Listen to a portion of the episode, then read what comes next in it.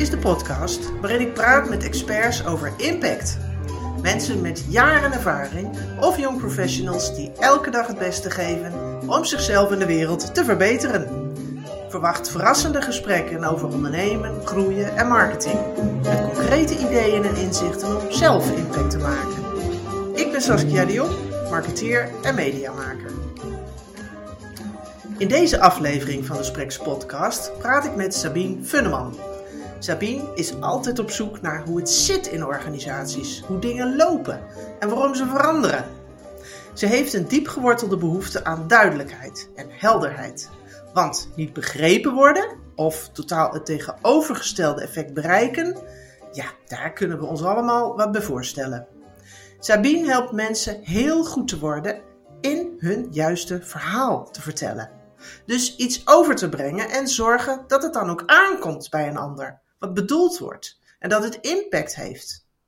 En hoe je dat voor elkaar krijgt, daarover gaan Sabine en ik het hebben in deze spreksaflevering. Nou, hallo Sabine, leuk dat je er bent. Dankjewel Saskia, ik vind het ook heel leuk. Ja, en, en om uh, gelijk maar goed af te trappen, maak jij impact? Ja, ik, ik denk van wel, want um, ik maak impact met het juiste verhaal. En dus dat, je kan eigenlijk niet zonder het juiste verhaal als leider van een maatschappelijke organisatie of, of ook niet als ondernemer. Want je, uh, je juiste verhaal is eigenlijk de basis voor alles wat je doet.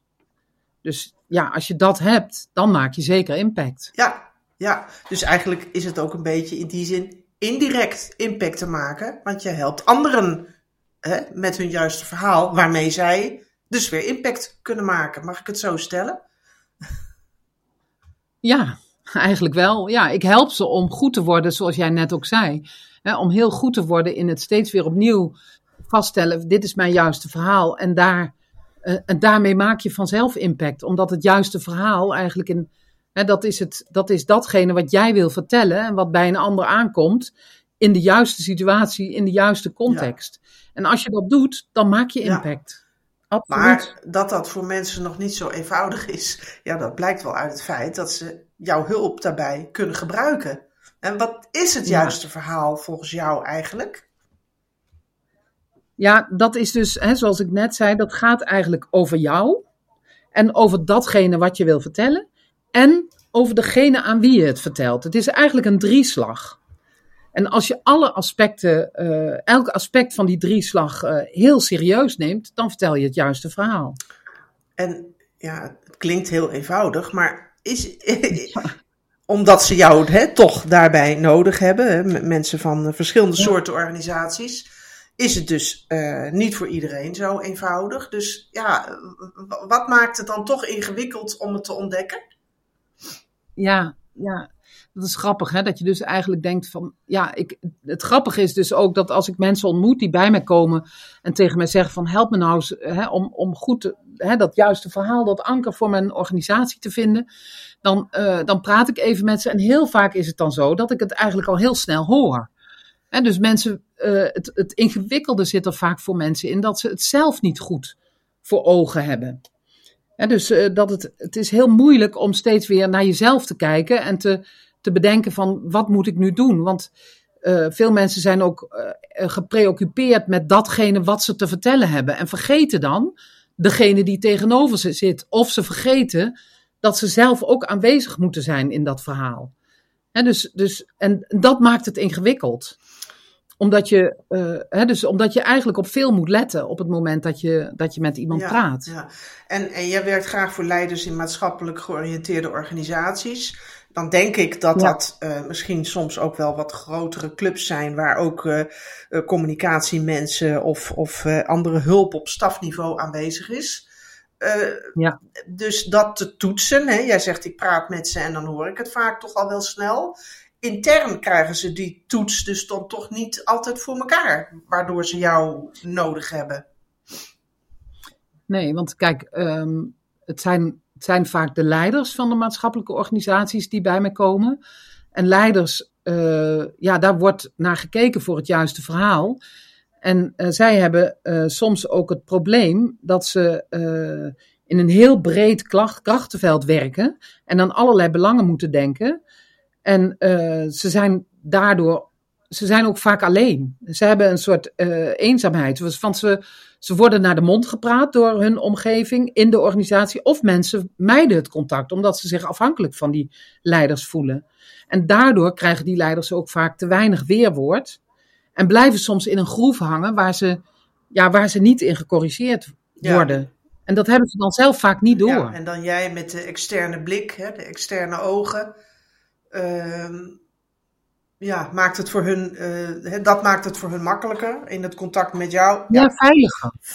Veiliger. Hè? Ik, ben, ik ben dan veilig voor ze, omdat ja, ze, ik, ja, ze kunnen iets doen met wat ik zeg en ook niet. Hè? Dus als, ze, als hun hoofdcommunicatie dat zegt, of, uh, of whatever, uh, iemand in de organisatie, dan, ja, dan, dan, ja, dan, dan komt er toch altijd een, een, iets ingewikkelds in het spel.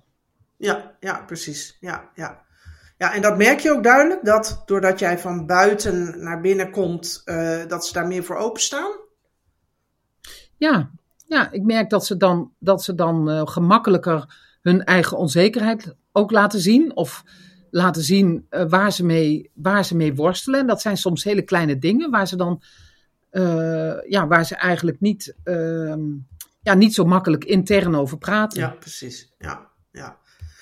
En die, die boegbeelden van um, maatschappelijke organisaties, hebben die meer hulp nodig? Of, of waarom, hè, dat is ook eigenlijk, zo bedoel ik ook eigenlijk de vraag, waarom kies jij juist voor die uh, doelgroep, voor die markt? Ja, ik, ik voel me eigenlijk uh, onweerstaanbaar aangetrokken tot, uh, tot leiders van, van maatschappelijke organisaties. Eigenlijk juist vooral omdat ze voortdurend in die verwarrende en nieuwe situaties terechtkomen, die die steeds weer veranderen. En dat ze toch steeds weer die helderheid moeten verschaffen, omdat iedereen naar ze kijkt voor het juiste verhaal. En dus dat is precies eigenlijk waar ik, uh, waar ik van smul eigenlijk. van, het is steeds weer anders en, en steeds, weer, uh, steeds weer spannend. En uh, ja, en, en dus ik vind het heel fijn om, om hen daarbij te helpen. Ja, het is natuurlijk altijd anders, dat is logisch. Maar zit er een gemeenschappelijke deler in hun problematiek? Ja, um, de gemeenschappelijkheid uh, zit hem vaak in. Um, uh, zit hem natuurlijk in dat ze vaak alleen staan, hè? dat ze eenzaam soms zijn. En ze hebben, ja, gemeenschappelijke. Het, het, hangt natuurlijk ook. Kijk, het verschil zit hem natuurlijk ook in het onderwerp vaak. Hè? En het gemeenschappelijke zit, het, zit hem in hun eigen positie en in hun eigen plek die ze moeten innemen. En daar zit het gemeenschappelijke in. En uh, ja, dus ook, het gemeenschappelijke zit ook wel in het feit dat het. Maar dat klinkt natuurlijk weer zo, zo, uh, zo tegenstrijdig, hè? dat het gemeenschappelijke zit in het steeds veranderende. Ja, je zei net, ze blijven in een groef hangen. Kun je dat toelichten? Ja, en ja, die, ja, dat, ja, die groef die, die hebben ze ook soms niet door, hè, dat ze daarin blijven hangen. En die, uh, en die groef die is voor iedereen weer een beetje anders. Want sommige mensen denken uh, dat ze de expert zijn op de inhoud en die vinden het heel moeilijk om anderen podium te geven. En anderen die denken dat ze als een soort vader of moeder het totale overzicht uh, moeten hebben en het beste voor hebben met iedereen. En dan zijn ze teleurgesteld als mensen ze bijvoorbeeld soms buiten de deur of achter hun rug om tegenspreken. En weer anderen die zijn net iets te verguld met zichzelf. En, en die doorzien daardoor niet dat ze uit de gratie zijn. En ik noem ze dan stiekem eigenlijk de koning. En uh, er zijn ook leiders die zichzelf helemaal wegcijferen. En alleen maar bezig zijn om anderen podium te geven. En, en daardoor zelf onzichtbaar worden. En die noem ik dan uh, bij mezelf de goede vee. En ze beseffen eigenlijk niet dat anderen naar hen kijken als hun voorbeeld. En dus ze zijn eigenlijk alleen maar bezig om anderen podium te geven. En sommigen zien ook niet, hè, dat zijn weer anderen, die zien niet in wat ze in huis hebben. En die vinden eigenlijk dat ze niks te vertellen hebben. En een beetje zoals de nieuwe kleren van de keizer. En uh, nou, in die, in die sprookjesterminologie, daar, dan, dan zie ik eigenlijk mezelf een beetje als de nar. Hè, iemand die heel dichtbij mag komen en die steeds ook de andere kant van dingen laat zien. En die vragen stelt en, en confronteert en doorvraagt, maar zonder consequenties eigenlijk doorvraagt tot het gaatje. Hè, het, het, ik kan soms mensen heel persoonlijk uh, vragen van waar ze nou precies bang voor zijn. Hè, en, en dat is bij mij veilig. Ja. Dat, dat, uh, dat voel ik ook altijd, dat ze dat Ja. veilig vinden. ja. En die beeldspraak in, in die sprookjesterminologie, die hou jij echt voor jezelf of deel je dat ook wel eens? Nou, ehm, soms, soms deel ik het eh, als je in een, ook een beetje in een humorplek kunt komen met iemand. Ja. Hè, dan als die een beetje ironie verstaat. En, maar ja, hè, dat, dat is niet altijd zo natuurlijk. Hè. Ik bedoel, als je juist heel kwetsbaar bent in een bepaalde situatie, dan, eh, dan is dat niet Ja. altijd zo. Maar, maar ik heb ook wel eens tegen, tegen iemand gezegd, je bent, je bent net een goede vee hier in de organisatie. Hè? En, eh, en ja, daar moest ze wel om lachen, want ja, dat was, dat kon ze heel, daar kon ze heel goed aan ja, relateren. dat is ook geen maar. negatieve kenschets. Nee, Hè? Nee, nee. Maar Nee. leiders zijn dus vaak heel eenzaam, hè, zeg jij. Ja. ja, we doen eigenlijk wel altijd hè, alsof iedereen eh, gelijk is hier in Nederland. Hè, maar, dat is, eh, maar dat is eigenlijk niet zo. Hè, want heel veel leiders worden ja, eigenlijk tegen hun zin gezien als meerdere van anderen. Dat kom ik ook heel vaak tegen. Dat leiders eh, vaak zeggen van ja, maar pra- praat gewoon met me, weet je. Zeg gewoon tegen mij wat je niet, niet, waar je het niet mee eens bent. En ze willen eigenlijk heel graag juist samen met anderen iets doen. En zelfs de koning, hè, die ik net de koning noemde, die, die wil dat ook heel graag. Maar Ja. ze, ze zien dan vaak niet dat ze dat niet kunnen Ze afdwingen. willen eigenlijk one of the guys zijn, maar Ja, zo worden ze niet gezien. Nee. Nee. Nee, en zij kunnen dat ook niet veranderen vanuit hun positie. En zij kunnen niet tegen mensen zeggen, ja, de- eh, ik wil... eh, ja, ik wil one of the guys zijn. Dat, dat, dat, dat gaat niet. Maar ze kunnen het alleen wel zelf anders doen. Dus als ze het juiste verhaal gaan vertellen, en namelijk zichzelf laten zien, de ander zien en ook laten zien dat ze weten waar ze het over hebben, ja, dan verandert daardoor hun eigen perspectief en daardoor ook de blik van iemand anders. Want dan worden zij ook veilig voor Ja. anderen. Want dan, dan mag er naar hun gekeken worden. Hè, want zij vertellen immers het juiste verhaal, ze begrijpen een ander. En dan kunnen ze ook weer zichzelf zijn. Dus dan vallen ze op een, op een veilige, goede plek voor Ja, zichzelf. ja, en wat voor advies geef jij dan aan een expert of aan een, een, een koning of aan een vee? Ja, dus dat is inderdaad altijd heel verschillend. Hè? Wat, eh, wat, ja, dus, dus iemand die eh, eigenlijk de expert is, hè, die ik dan in mijn hoofd de expert noem, hè, die dus alsmaar op die ene poot blijft zitten van dat hij de inhoud eh, als belangrijkste ziet en, en, en vindt dat hij, dat hij daar vooral over moet hebben. die, ja, die vraag ik dan, hè, dan, dan ga ik een beetje zoeken van, is die, ehm, kan die ook, durft hij ook iets over zichzelf persoonlijk te zeggen? Wat is, hoe is zijn relatie met het onderwerp als persoon?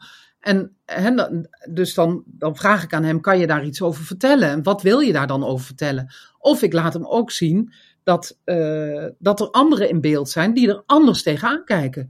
En, dan, en, ja, en, en ook wel, geef ook de expert de tip van laat nou eens een ander de inhoud vertellen. Wat vind je daarvan als je dat, als je dat gaat doen? Ja, ja. En heb je daarbij wel eens de plank misgeslagen? Ja, natuurlijk sla ik wel eens de plank mis. Want eh, ja, dat juiste verhaal vertellen, dat is echt niet eenvoudig. En, eh, hè, want het is eh, gewoon voortdurend inzoomen, luisteren, aanpassen. En dat gaat niet altijd goed. En ja, ja ik, ik, ik moet eraan denken dat ik ooit een keer een directeur van een organisatie eh, hielp. Midden in een groot veranderproces. Eh, en ik hielp hem om, om het juiste verhaal te vertellen over die aanstaande verandering. En ehm, dat moest voor de eerste keer aan medewerkers worden verteld. En toen kwamen we samen eigenlijk in de voorbereiding tot de conclusie dat het woord reorganisatie waarschijnlijk niet, niet zo slim zou zijn om uit te spreken, omdat dat woord zo juridisch geladen is en eigenlijk voor veel mensen eh, ja, meteen als een bom zou aankomen en dat dat ontslag betekent. Hè, dat. Ja, ja. En, eh, en dat, dat wilde hij eigenlijk niet. Hij wilde niet dat mensen meteen, eh, zich meteen dood zouden schrikken en in paniek raken. Maar hij wilde gewoon samen met hen zoeken hoe ze verder dat veranderproces goed in zouden kunnen gaan. Maar tegelijkertijd was het wel duidelijk dat er een aantal mensen zouden worden ontslagen. En dus hij, hij had het daar heel moeilijk mee, want hij wilde ook niet liegen. Hè? Hij wilde niet geen. eh, en, en tegelijkertijd wilde hij ook niet dat ze meteen in de gordijnen Ja, gejaagd ja, werden. Het was niet duidelijk wie dan ontslagen zou moeten worden. Dus het was heel moeilijk. En toen heb ik hem geadviseerd om dat woord in, de eerste, eh, in dat eerste gesprek gewoon niet te noemen. Om dat woord niet te noemen. Om, om gewoon andere woorden te noemen. En daar hebben we ook, eh, ook, ook verhaal bij gemaakt, hè, wat dat dan zou kunnen zijn. Ik voel, ik voel hem al aankomen. Roze olifant, denk ik. Ja, precies. Want in de eerste, het eerste zin die hij uitsprak bij die bijeenkomst, zei hij al, er komt een reorganisatie aan. En ik dacht, nou, en de hel brak natuurlijk meteen los. En ik had, ja, ik denk wat ik fout had gedaan op dat moment, is dat ik zo vaak met hem over die roze olifant had gesproken, Ja, dat, ja, dat het eigenlijk onvermijdelijk was geworden dat hij dat zou noemen. Ja, dus hij, eh, ja, in mijn eigen eh, terminologie denk ik van, ja, hij was, hij was een beetje een koning. En, en ik had hem als nar eigenlijk voorgeschreven wat hij moest zeggen. En dat, dat was, ja, achteraf dacht ik van, dat was niet, niet handig. Dat gaat niet met een, hè, met een koning. nee. Dus we hadden dat anders Ja, moeten oplossen. Heel leerzaam, denk ik, voor jezelf. Heel en ook voor hem mogelijk, maar zeker eh, voor jou. Hè? Ja, zeker voor mij, ja. Precies. Ja. Ja. en Ja. we- we hebben het eh, natuurlijk net al gehad over die drie aspecten. Hè? Eh, het juiste verhaal gaat over jou, over datgene wat je verkoopt en aan wie je het vertelt. Hè? En jij zei straks Ja. van het is essentieel die, die drie steeds als uitgangspunt te nemen. Maar hoe komt het, want nou ja, hè, ook al net te horen in jouw voorbeeld, hoe komt het verhaal aan bij een ander als je ja, iets daarvan laat liggen en niet die drie-eenheid ehm, echt als uitgangspunt neemt? Ja. Ja, dus ja, bij de voorbeelden die ik genoemd heb, is het al een beetje duidelijk geworden. Hè? Maar als je bijvoorbeeld alleen over jezelf praat, dan, dan is het natuurlijk heel snel egotripperij. Hè? Daar, daar, daar, ja, dat horen wij dan allemaal meteen. Of als het verhaal alleen over de ander gaat, dan, ja, dan wordt het heel opdringerig. En als, het, als je een verhaal vertelt wat alleen maar over inhoud gaat, dan wordt het eigenlijk heel droog en afstandelijk. En als je het verhaal vertelt en het gaat alleen maar over mij en over jou, dan wordt het eigenlijk heel zweverig. Hè? Want dan heeft het geen inhoud, dan heeft het geen. Hè, dan, dan gaat het alleen maar over, over waar wij samen naartoe gaan of zo. Dan, dan wordt het snel iets zweverigs. En als het alleen. Het verhaal alleen over de inhoud en over. eh, en over jou gaat, hè, over de ander. Alleen dan wordt het nogal ongeloofwaardig hè, als je er zelf niet in aanwezig bent. En als het verhaal alleen over mijzelf gaat en over de inhoud, ja, dan, dan ga ik mij als, als toehoorder toch snel gepusht voelen. En dan haak ik ja, af. Ja, ja, ja, ik zie het voor me, inderdaad. Ja, Ja, dus als het verhaal over relevante inhoud gaat en wat die voor mij betekent en wat de waarde ervan is voor jou, ja, dan vertel ik het juiste verhaal. En dan, ja, dan, kom, je, dan kom je dus op die, op die fijne, vrije plek eigenlijk, waar je met elkaar in gesprek Ja. kan gaan. En heb je ook een, een voorbeeld, om, om, of voorbeelden misschien, om dat te verduidelijken voor de luisteraar? Hoe, hoe werkt het dan? En, en misschien ook daarbij, hoe pak jij het dan aan? Ja, ik heb, eh, ja, ik kan wel twee voorbeelden noemen. Ik heb op een gegeven moment, eh, eh, was er iemand van een mediabedrijf, hè, dus een bedrijf die tijdschriften en websites ontwikkelt over bouwen en wonen. En die, eh, die nam eigenlijk de, het bedrijf over van haar man. En ze zei tegen mij van, ja, ik, ik wil eigenlijk dat, dat bedrijf een beetje een andere koers geven. En ehm, ja, ik, ik, hè, dus ik wil wel graag dat bedrijf van mijn man overnemen, maar het moet wel een beetje een andere kant op. En wat is dan daarin mijn eigen verhaal? En dat heb ik met haar samen uitgezocht. Hè, van wat zat er nou in haar hoofd? Eh, wat wilde ze dan precies anders? En, en, en waarom wilde ze dat? Hè? Wat, wat, was daar voor haar belangrijk in? En toen zijn we dat gaan samen ook gaan toetsen in de, in de organisatie bij de medewerkers en ook in het stakeholderveld van wat, wat het zou betekenen als ze die nieuwe koers in zou gaan. heb ik een stakeholderanalyse voor haar gemaakt en die zijn we ook weer gaan toetsen. Dus dat was een heel mooi proces. Is dat, is dat ook eh, goed, voor jouw gevoel ook goed gegaan? Is dat goed gevallen? Heeft, heeft zij het goed gedaan? Ja, ik vond dat ze dat heel goed deed. Ik vond het ook heel mooi en verrassend hoe zij, eh, hoe zij zich er helemaal in stortte. Dus ook echt zichzelf helemaal daarin liet zien. En dus we hebben ook vlogs gemaakt waarin ze ook echt haar eigen ervaring eh, gebruikt heeft. En ja, dus ze heeft ook heel goed onderzocht van wie, voor wie is het nou ingewikkeld. Hè, dat, dat, dat verhaal wat, wat zij wilde vertellen. En hoe kunnen we daar dan wat mee doen? Dus is in gesprek gegaan met mensen. Dus het is echt heel goed gegaan. Leuk, mooi, leuk voorbeeld. Ja. En je had nog een voorbeeld, zei je? Ja, dus dat is weer een andersoortige voorbeeld. Het was een, de, de, de, de Nederlandse uh, haarden- en kachelbranche heeft een eigen branchevereniging. En die belde mij op en die zeiden van ja, wij hebben eigenlijk een probleem. Wij worden altijd als zeg maar de boosdoener gezien voor die uh, voor het stoken wat mensen doen. Hè? En, Houtstoken, de kachel, de, de houtkachel, oh, ja, de, de, open haard. de houtkachel en de open haard. Nou, niet, eigenlijk, zij verkopen natuurlijk kachels en haarden. Dat, zijn, dat is niet de open haard. Hè?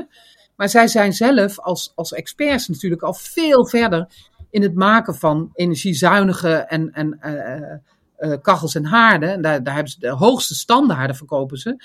En anders kan dat ook helemaal niet. Maar door de buitenwereld in het stakeholderveld werden zij eigenlijk gezien als de, de boosdoeners van het stoken van open vuren en uh, open haarden.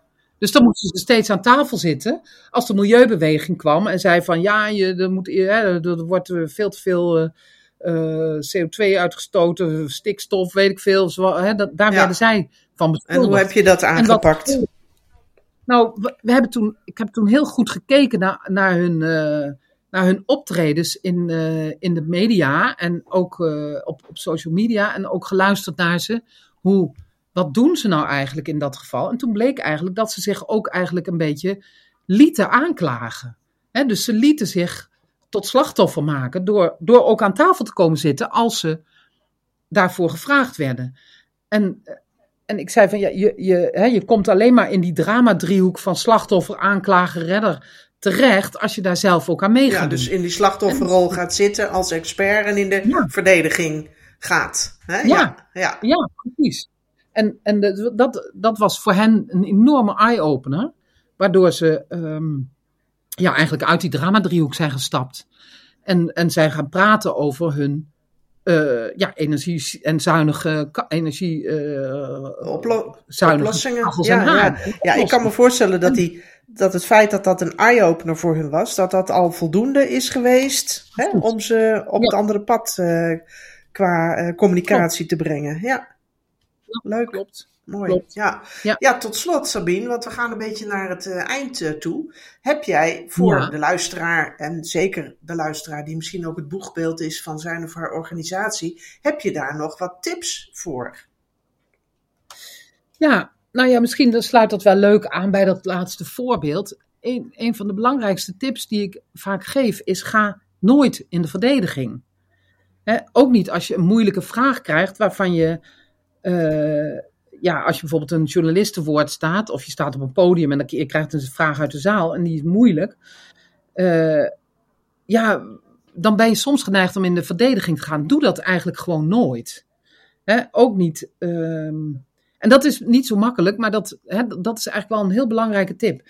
Dus wat je dan kan doen, is stap over je schaduw heen en toon begrip voor de ander dat is de eerste stap die je dan kan zeggen. Dus als iemand zegt van, uh, ja, waarom, uh, uh, waarom heb jij dit of dat niet gedaan? Hè? Of, en, je, en je weet eigenlijk wel van, ja, dat klopt eigenlijk niet, die vraag. En, en dan kom je al heel snel in de verdediging terecht.